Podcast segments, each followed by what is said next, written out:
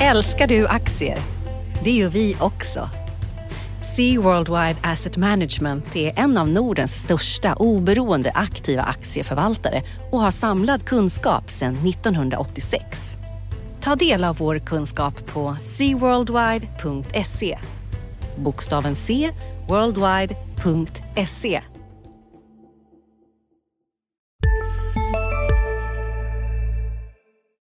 Varje vardag klockan sju uppdaterar DITVs Morgonkoll dig om natten och morgonens viktigaste nyheter. Från börsstängningen i New York till läget i den asiatiska handeln. Och strax därefter kommer podden med samma namn. Prenumerera på Morgonkoll du också så är du uppdaterad inför varje ny arbetsdag. Morgonkoll finns där andra poddar finns.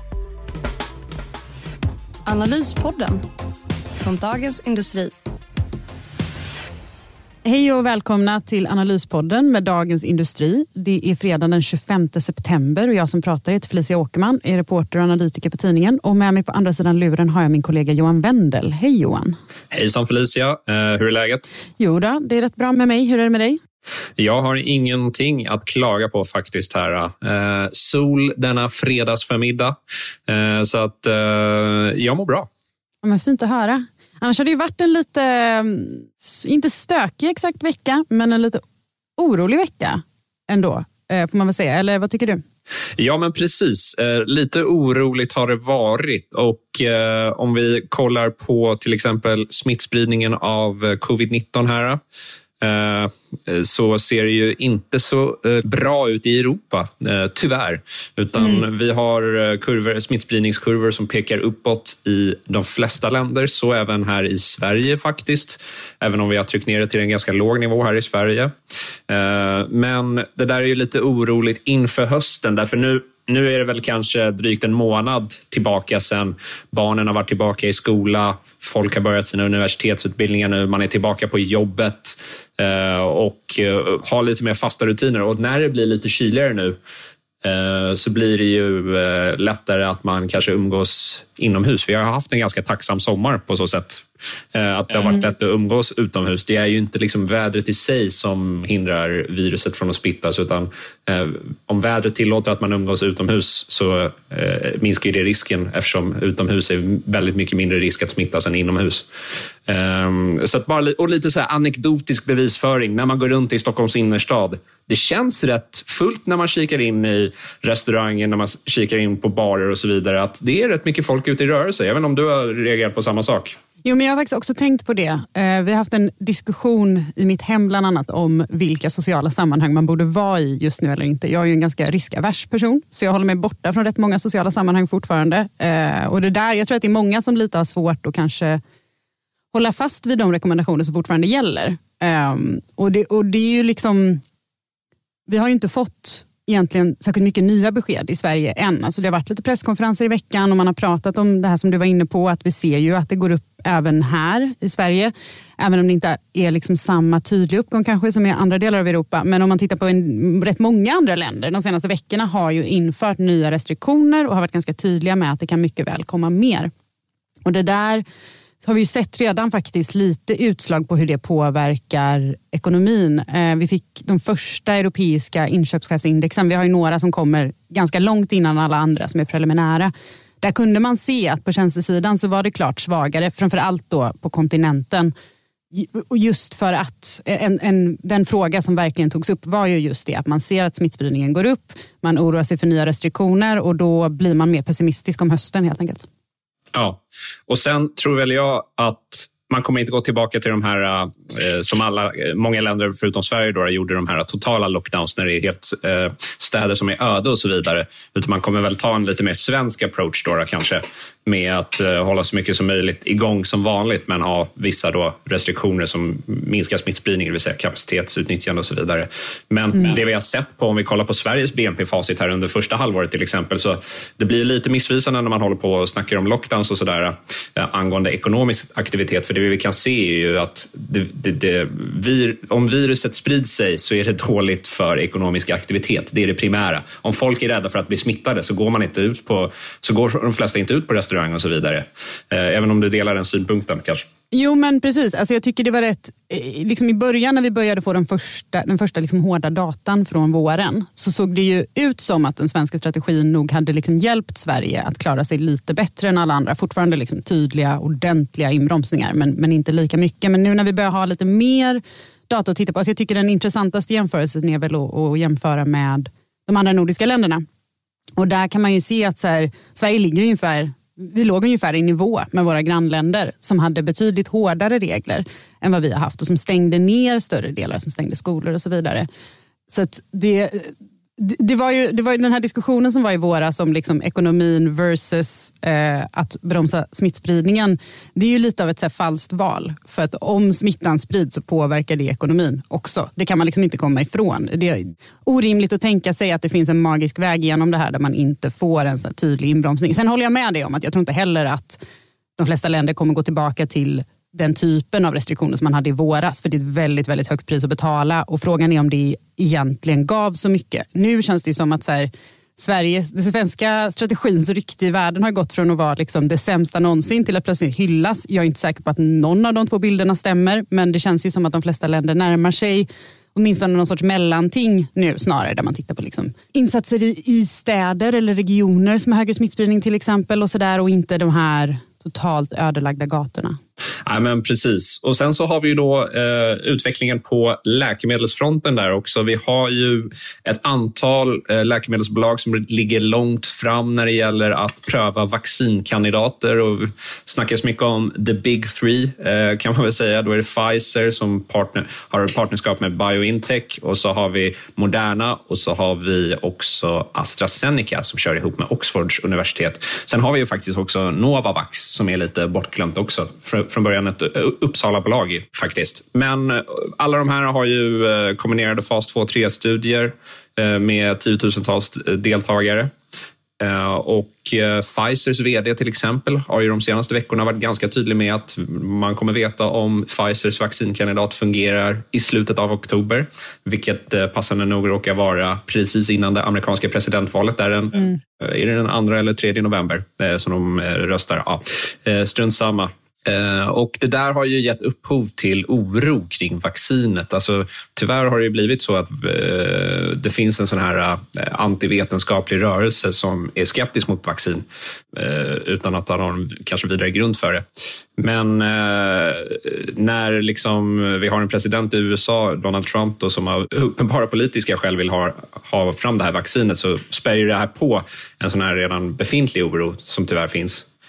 Så att det är ju, och, och, där tycker jag inte att den amerikanska administrationen gör ett bra jobb för att liksom säkerställa att eh, det finns en trovärdighet. Nej, precis. Alltså jag håller med. Och det, det blir ju jättesvårt just för att som du säger, det finns, det finns den här liksom anti-vax-rörelsen som inte är väl så himla stark i Sverige. Eh, men, men som existerar här också. Den är betydligt större i USA, så här är ju det här mer av en fråga. Det blir ju väldigt, väldigt liksom grötigt när man både ska balansera hur man förhåller sig till personer som är emot alla vaccin. Liksom den här inte så himla bra idén.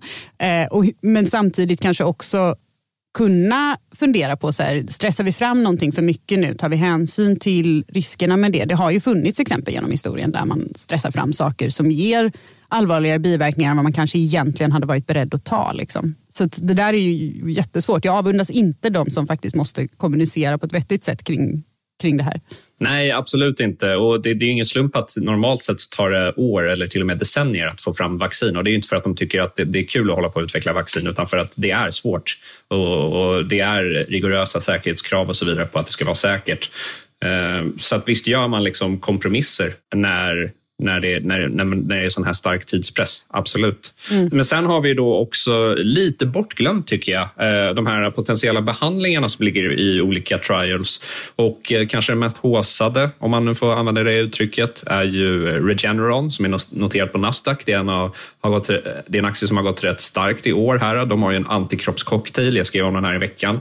Eh, men de ska ju komma med sina fas 3-resultat. Första resultaten i fas 3-studien Eh, innan december i slut har, eller september i slut har de guidat för Regeneron. Så det kan i princip komma vilken dag som helst eh, om de nu mm. håller sin, sin timetable som de har guidat för.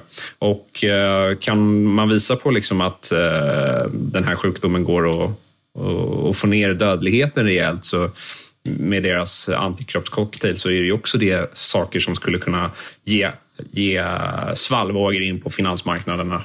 Eh, det är ju ingen fråga om. Och framförallt rädda liv då, såklart. Eh, det är det viktigaste. Ja, men definitivt ha en effekt tänker jag, på folks beteende om man tänker liksom eh, den här effekten som blir på den ekonomiska aktiviteten av att det är en sjukdom som är ute och härjar i samhället. Om det finns betydligt effektivare behandlingar. Det är klart att ett vaccin, det, är ju game changern. liksom. Men, en, men effektivare behandlingar kan också spela rätt stor roll för hur folk, vad folk känner sig bekväma med och vad man är beredd att liksom göra. Hur stor del av sin vardag man kan ägna sig åt. Sådär. Ja, men precis. Jag noterade nu på morgonkvisten att Electrolux ska, eh, styrelsen föreslår att man återinför utdelningen här. Har du koll på det här? Ja, men precis. Eh, tidigare hade man ju ett för, utdelningsförslag för 2019 då på 8,5 kronor per aktie. Det slopade man här när coronakrisen slog ut med full kraft. Eh, nu har man meddelat att man eh, återinföra utdelningen, men den blir 7 kronor så den blir per aktie. Så den blir lite lägre än den tidigare kommunicerade.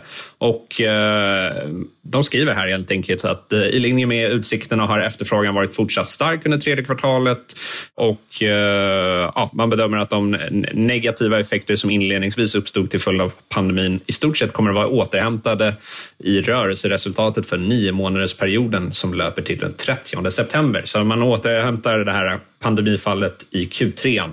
Sen så är de lite försiktiga med att göra prognoser för Q4. Där. Men, och det här är ju ingen hemlighet. Det här har vi sett i datan sedan ungefär maj. En ganska stark eller en gradvis återhämtning och nu ser vi den också i bland företagen här. Sen har ju eh, utdelningarna har ju varit annars ett tema här, framförallt för de svenska bolagen. Vi har ju en eh, eh regering och stat här i Sverige som har satt upp vissa Eh, förhållningsregler kring utdelningar. Tar man emot permitteringsstöd till exempel ska man inte dela ut pengar och eh, det där har ju gjort att eh, utdelningar har blivit en fråga. Jag tyckte att Patrik Wallén som är ordförande i Volati, han twittrade rätt intressant om det där i veckan. Att, och han påpekade att aktiebolag ska drivas i vinstsyfte är det, är det affärsmässigt därför att betala tillbaka stöd för korttidsarbete för att kunna genomföra utdelningar? Vi har ju till exempel eh, ganska nyligen här Ratos, investmentbolaget som betalar tillbaka ungefär 6 miljoner kronor i stöd för att kunna dela ut eh, ett par hundra miljoner till sina ägare. Är det i linje med aktiebolagslagen? Å andra sidan kan man väl då säga att eh, ja, men delar man inte ut så går Eh, aktiekursen ner, man får, sämre, man får sämre tillgång till eh, finansmarknaden, kunna ta in pengar och så vidare. Och eh, eh till syvende och sist vill vi ha bolag som är, måste ju bolagen vara livskraftiga och kunna leva eh, av egen kraft och inte kunna ta emot statligt stöd och så vidare. Så man kan säkert konstruera ett argument både med hjälp av matematik eller inte för att komma till endera slutsatsen. Men jag tycker det är en intressant utdelningsdebatt här som förs i näringslivet ändå. Ja men verkligen. Och just när man går tillbaka till så här, vad, när man är ett aktiebolag, vad har man åtagit sig att göra? Om man bara kommer tillbaka till, liksom, det finns ju liksom juridiska krav på de här bolagen. Det finns en lag som säger att man måste agera på ett visst sätt, men hur man tolkar den lagen blir ju väldigt komplicerat i ett sånt här läge. Jag håller med om att det är en jätteintressant diskussion. Jag känner inte att jag har tillräckligt mycket på fötterna för att ha, själv ha en vettig tes om vad som är rätt att göra. Och jag antar att det också beror väldigt mycket på, det måste ju variera jättemycket från bolag till bolag, vad som liksom gynnar ägarna mest. Ja, men precis. precis. Och, sen så till syvende och sist så ska vi inte glömma bort att det är ju faktiskt eh, eh, årsstämman som beslutar om utdelningen till syvende och mm. sist. Så att eh, ägarna får ju säga sitt där, om inte annat. Men eh, ska vi gå vidare till eh, vår kära Riksbank? Här? Vi fick ju eh, ett räntebesked i veckan som gick, eller hur? Ja, precis. Eh, vi fick ju det. Jag hade nästan glömt att det var den här veckan faktiskt. Eh, för det var ett så himla tråkigt besked. Nej men tråkigt, det är taskigt att säga. Det, det, eh, centralbanker ska ju egentligen i normalfallet vara ganska tråkiga och ganska förutsägbara. Det är ju inte dåligt när de är det. Så det, det, ska man inte hålla emot Stefan Ingves och hans kollegor. Men det var ju liksom helt i linje med förväntningarna. Inga åtgärder. Man justerade sina prognoser lite grann för att de förra prognoserna var för dystra överlag liksom väldigt, väldigt väntat. Men det, men det, var några saker i det som ändå kan vara värt att, att ta upp. Alltså dels så sätter de ju på pränt nu i och med de nya prognoserna att de tror inflationen ska stiga gradvis men de, den kommer fortfarande inte nå målet i slutet av prognosperioden. Så det är ju någonting eh, som är värt att hålla ögonen på fortfarande. Alltså inflationen är lite ur fokus för alla just nu. Men någon gång förr eller senare så måste en centralbank komma tillbaka till det som är liksom hela syftet. Eh, de måste börja titta på det där förr eller senare och då är det ju notervärt att man inte tror att man når målet liksom de kommande åren. Sen hade de också ett par skrivningar som jag tyckte var rätt intressanta. Eh, dels vad gäller minusräntan. Eh, det är ju fortfarande så att man, man har ju under ganska lång tid ändå vetat att så här, Riksbanken vill inte ha en minusränta, men de vill inte stänga dörren för en minusränta och därför kommer de inte säga att noll är golvet. Liksom. Men nu satte de lite mer svart på vitt vad som egentligen skulle krävas för att man ska gå igenom noll igen. Och det är i princip inflationsförväntningarna som är det som kommer avgöra i sådana fall. Det fanns en skrivelse i pressmeddelandet om att det krävs liksom att, att oron för att inflationsmålets trovärdighet är mer hotad. Eh, den, den oron måste bli mer verklig för att det ska bli aktuellt att sänka räntan i princip. Och det betyder ju då att man ska se eh, på just inflationsförväntningarna, de här på fem års sikt. Det är det som Riksbanken tittar på. Liksom. På riktigt lång sikt, tror människor att vi kan nå vårt mål eller inte? Just nu så ligger ju inflationsförväntningarna under 2% på fem års sikt. De ligger någonstans i spannet mellan 1,7 och 1,8. Men det som har varit bra ur Riksbankens perspektiv är ju att man, de har ändå varit stabila utef- alltså utvärderat från omständigheterna, de här omständigheterna som varit väldigt, väldigt dåliga, så har de ändå legat ganska stabilt. Så, att så kan de ligga kvar där och komma upp igen, vilket väl kanske inte är helt osannolikt, så kan man då undvika helt. Just nu pågår vår stora season sale med fantastiska priser på möbler och inredning. Passa på att fynda till hemmets alla rum, inne som ute, senast den 6 maj. Gör dig redo för sommar. Välkommen till Mio. CSRD, ännu en förkortning som väcker känslor hos företagare. Men lugn, våra rådgivare här på PWC har koll på det som din verksamhet berörs av. Från hållbarhetslösningar och nya regelverk till affärsutveckling och ansvarsfulla AI-strategier. Välkommen till PWC. Enkelt att behöva öppna dörren till minusräntan igen. Um, och sen så fanns det också en, jag ska faktiskt ta upp den skrivelsen exakt för jag tyckte det var de, de, de tog lite ingen kan väl ha gått miste om Federal Reserves nya inflationsmål, tänker jag. Men vi kan ju dra det snabbt igen för säkerhets skull. Eh, man övergår från att bara ha att inflationen ska ligga runt 2 eller på 2 och till att ha ett genomsnittligt inflationsmål, vilket i praktiken innebär att här, bara för att man närmar sig en inflation på 2 betyder inte att man måste börja strama åt, utan man kan skjuta över eftersom man har haft en lång period med väldigt låg inflation. Mm. Riksbanken skriver nästan samma sak i eh, den penningpolitiska rapporten. Eh, efter en lång period med inflation under målet skulle en inflation som överstiger målet kunna bidra till att inflationsförväntningarna tydligare förankras nära 2% och på så sätt vara bra för pris och lönebildningen. Det här handlar inte om att Riksbanken formellt ska ändra på sitt inflationsmål men attitydmässigt så tycks de ju ändra lite på sin syn på inflationen i alla fall. Det är ändå notervärt. Liksom. Det, det, är, en, det är en större, ett större skifte i hela den liksom centralbanksvärlden globalt som sker just nu. Sen tror inte jag fortfarande inte att det här skiftet är det som kommer driva upp inflationen nödvändigtvis. Men det är ju intressant att notera i alla fall. Jag tycker det ska bli spännande att se om eller när, mm. när eh, om det nu någonsin händer, om inflationen börjar komma upp över 2% inflationsförväntningarna, om de stiger, om de faktiskt vågar hålla kvar vid det här. Det ska bli intressant att se. Det är ju då mm. det testas till syvende och sist. Men tänker du om, om, om själva inflationen stiger eller om inflationsförväntningarna stiger? Jag tänker väl, fram, okay, om vi, det första som borde komma är väl förväntningarna, tänker jag. Ah, jo. Så att, ja, jag vet inte. Det, det finns ju ändå en rätt rejäl inflationsskräck bland många lite mer seniora eh, ekonomer, vill jag gärna påstå, som minns liksom 70-talets härjningar.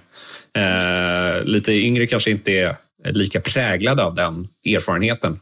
Nej, precis. Utan de är mer präglade av den senaste liksom, tioårsperioden där det har varit väldigt svårt att få någon vettig inflation egentligen. Nej men precis, och det där, alltså, det där är någonting man får brottas lite med som en person som inte tillhör de seniora ekonomerna och som är väldigt präglad av eh, den här perioden med väldigt låg inflation. Och, och det, jag menar, det finns ju liksom det finns strukturella skäl till att prisutvecklingen är svag.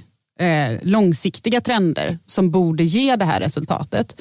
Men samtidigt så blir man ju ofta väldigt blind.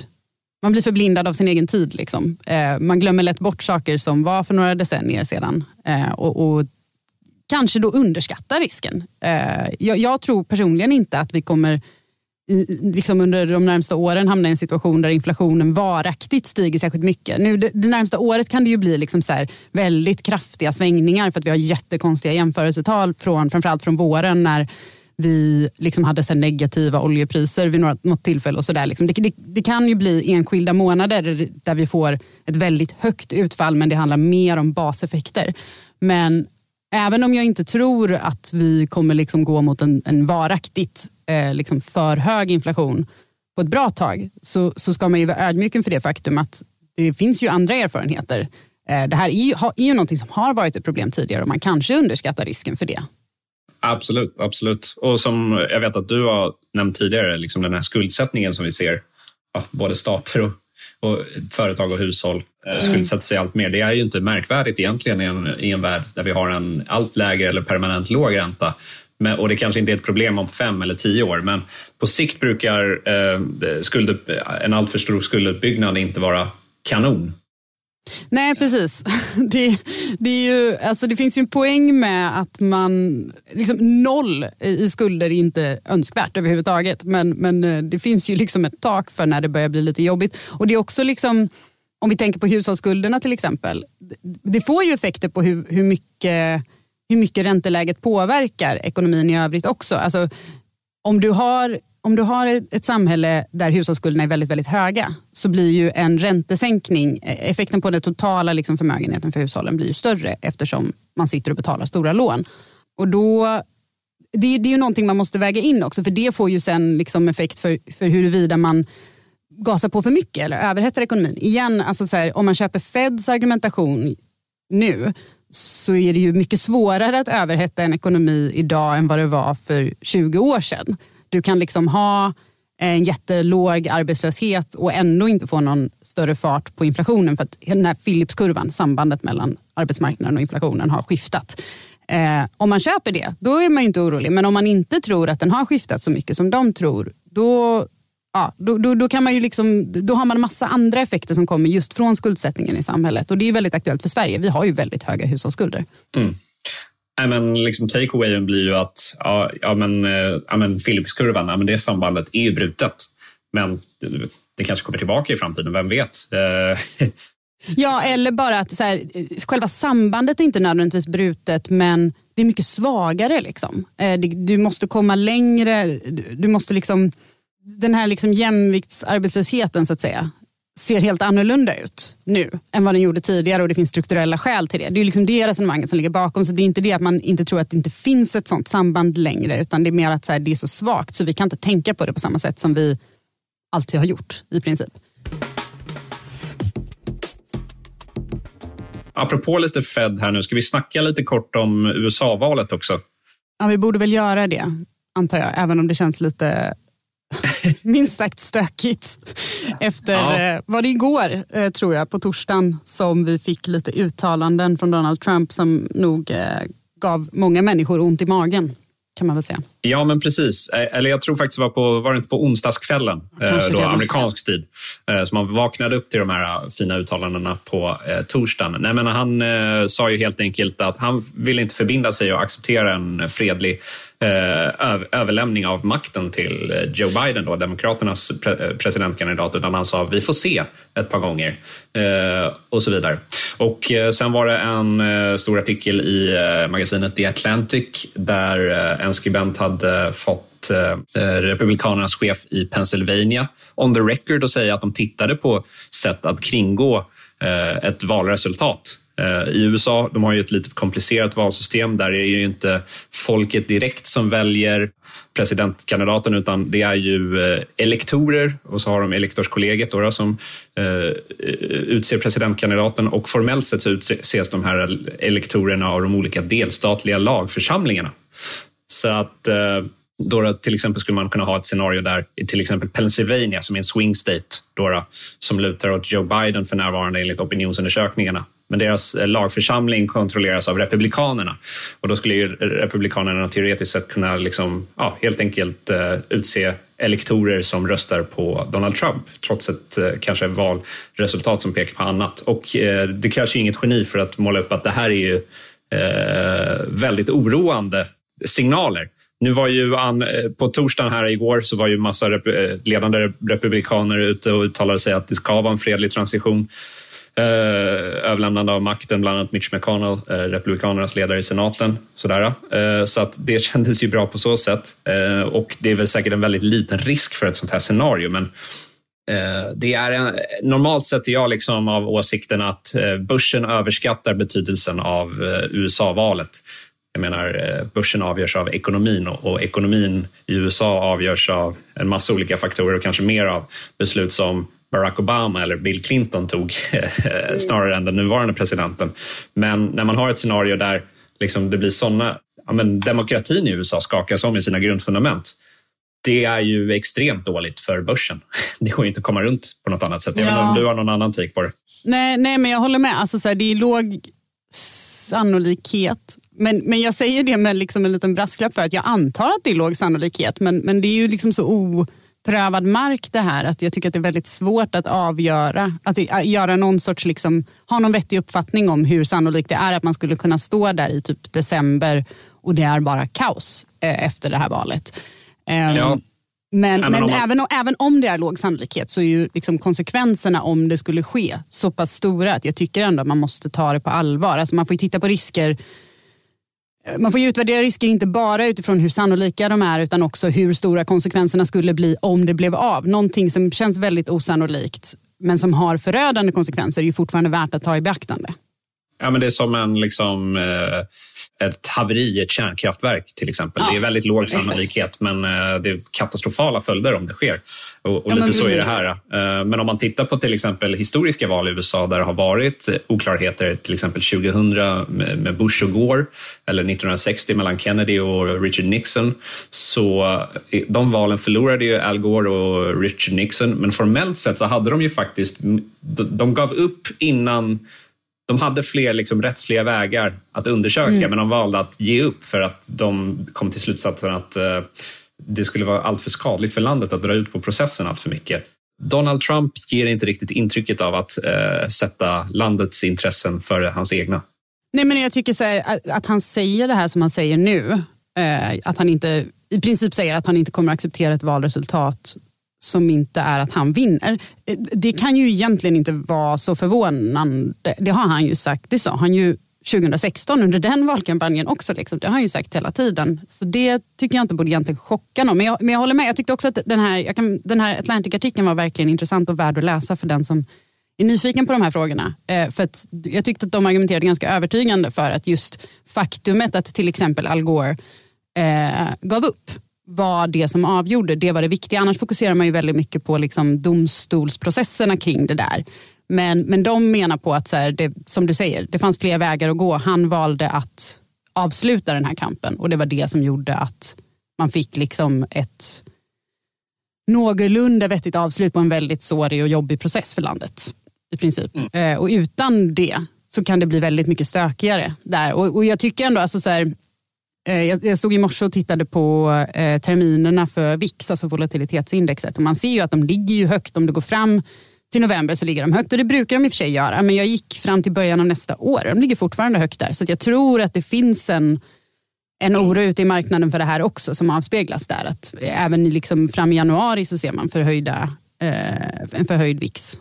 Ja, något, något att ha med sig. Om inte annat så är det ju också ja, men det är inte bara oroande för börsen utan världen som helhet eh, om jo. USAs demokrati skakas i grunderna. Men eh, apropå USA här nu så blir det en eh, inte jättesmidig övergång, men eh, vi får ju lite amerikanska jobbsiffror nästa vecka på fredag, de så kallade non-farm payrolls.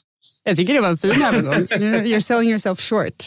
Ja, men precis. Alltså, det är ju inte Eh, den kanske absolut mest händelserika veckan i, i världen. Men, men vi, får, precis, vi får sysselsättningssiffrorna för eh, september nästa vecka eh, som ska bli väldigt intressant att titta på. Eh, om man tittar på eh, jobless claims, alltså de här folk som är arbetslösa och söker stöd helt enkelt. Eh, så har vi ju sett att de senaste fyra veckorna så har förbättringen i liksom, eh, förbättringen där ehm, stannat av ganska mycket. Särskilt om man då tittar på de som eh, nya ansökningar om stöd för arbetslöshet så har det eh, i princip legat och pendlat mellan ungefär 87 och 90 000 den senaste månaden. Om vi tittar på liksom det totala antalet som får stöd, så kallade continuing claims, så det pekar ju fortfarande neråt. Men det är liksom de första tecknen på att eh, återhämtningen på arbetsmarknaden stannar av i USA nu. Och om man tittar på, eh, även de har ju en så tidigt inköpschefsindex som kommer liksom mitt i månaden. Och där såg vi också lite mjukare signaler gällande just sysselsättningen. Det är fortfarande liksom positivt där, men, men det, det, det tappar takten. Liksom. Så det är någonting att hålla ögonen på nu inför att vi får de stora siffrorna i, på fredag nästa vecka. Mm, mm. Och eh, i börsväg då, då, så har vi ändå lite rapporter som börjar trilla in nästa vecka. Eh, vi får ju bussbolaget Nobina på onsdag som kommer med sin Q2 i sitt eh, räkenskapsår. Och så får vi på torsdagen får vi både H&M och Skistar. Och H&M har ju faktiskt bjudit på en omvänd vinstvarning här inför sin rapport. Man har ju bland annat meddelat att man kommer göra ett eh, resultat för skatt på cirka 2 miljarder kronor, vilket var över analytikernas förväntningar. Så det blir spännande att se lite mer i detalj vad H&M skriver i sin rapport och sen så givetvis vad de säger om framtiden. Det är alltid intressant om de kan komma med några eh, vad de kan komma med för indikationer där. Mm. Är det den du är mest sugen på, rapporterna? Ja, ja, ja, eh, det skulle jag ändå säga. Men eh, det blir nog inte jag som skriver om den. Det blir min eh, eminenta kollega Rickard Bråse skulle jag tippa på. Om, mm. om han inte är ute och jagar sill just den dagen. Det vet man aldrig. Nej, det är sant. Eh, vi har ett par till punkter på makroagendan också nästa vecka. Vi får både en barometer och prognos från Konjunkturinstitutet och sen så får vi de första, eh, den första delen av den riktiga omgången inköpschefsindex, eh, om man kan kalla det det, när liksom alla kommer samtidigt. Vi hinner få industri-PMI i slutet av veckan i alla fall. Så det finns lite saker att, bita i, men huvudnumret är definitivt den amerikanska sysselsättningen.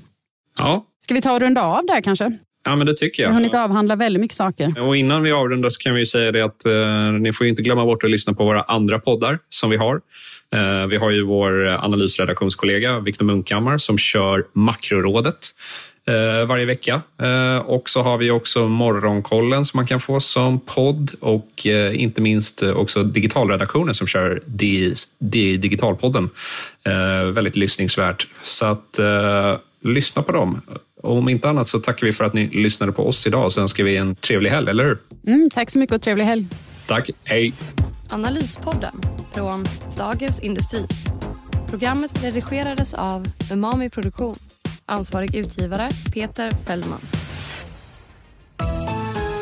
Hej! Andreas Johansson på DIs nyhetsmagasin Ekonomistudion här. Vi fördjupar oss i de viktigaste frågorna och möter Sveriges makthavare inom ekonomi och politik. Ekonomistudion finns där poddar finns varje dag klockan 16.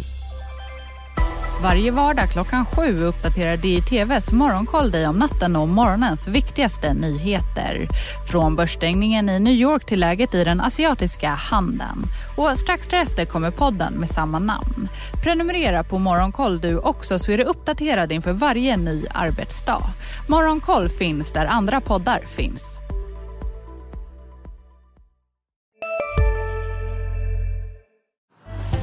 Älskar du aktier? Det gör vi också.